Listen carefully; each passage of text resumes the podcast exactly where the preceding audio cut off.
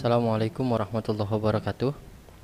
Sahabat sekalian Kembali lagi di podcast kita bersama Anak sekolahan.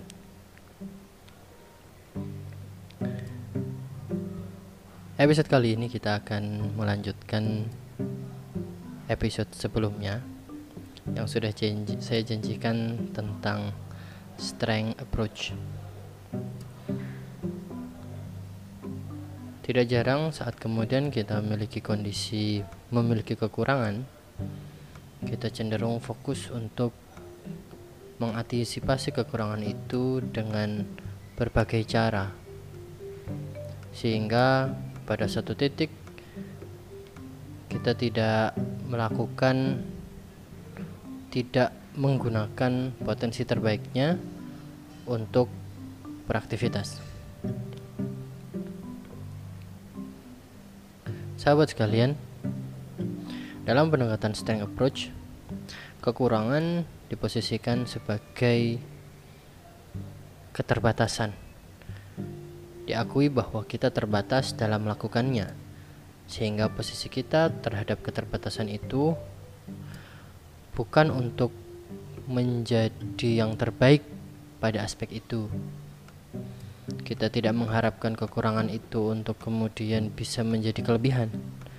Cuman membatasi bahwa kekurangan itu tidak mengganggu aktivitas kita dalam sehari-hari. Namun,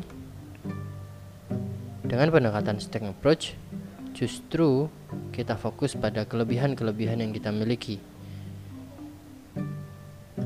Kelebihan dalam hal berbicara, kelebihan dalam hal melakukan aktivitas secara perencanaan, berpikir dan seterusnya dan seterusnya. Maka jangan heran ada kawan-kawan yang memiliki nilai matematika baik namun dia justru fokus belajar bagaimana memperbaiki nilai-nilai bahasa.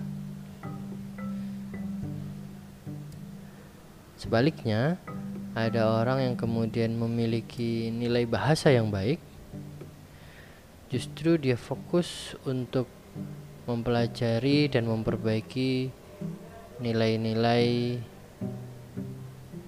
fisika.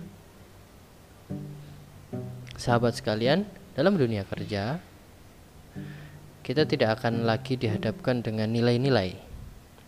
Yang dilihat adalah bagaimana performance kita. Maka, sekali-sekali kita menggunakan sudut pandang bahwa menggunakan kelebihan-kelebihan kita untuk menggapai sesuatu yang baik, yang lebih tinggi lagi adalah sebuah hal investasi yang tidak sia-sia. Maka sahabat sekolah selain dalam rangka kita bersyukur terhadap nikmat itu tidak ada salahnya bila kebaikan atau nilai-nilai kita yang sudah baik kita gunakan, kita maksimalkan pada forum-forum yang lain.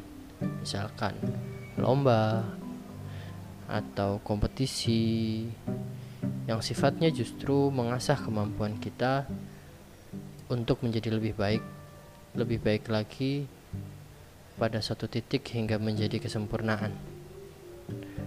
Semoga dengan kesempurnaan-kesempurnaan itu membuat kita merasa bersyukur pada diri kita sekaligus menggunakan seluruh potensi kita dengan sebaik-baiknya. Demikian sahabat sekalian, semoga ini menjadi inspirasi buat kita semua. Assalamualaikum warahmatullahi wabarakatuh.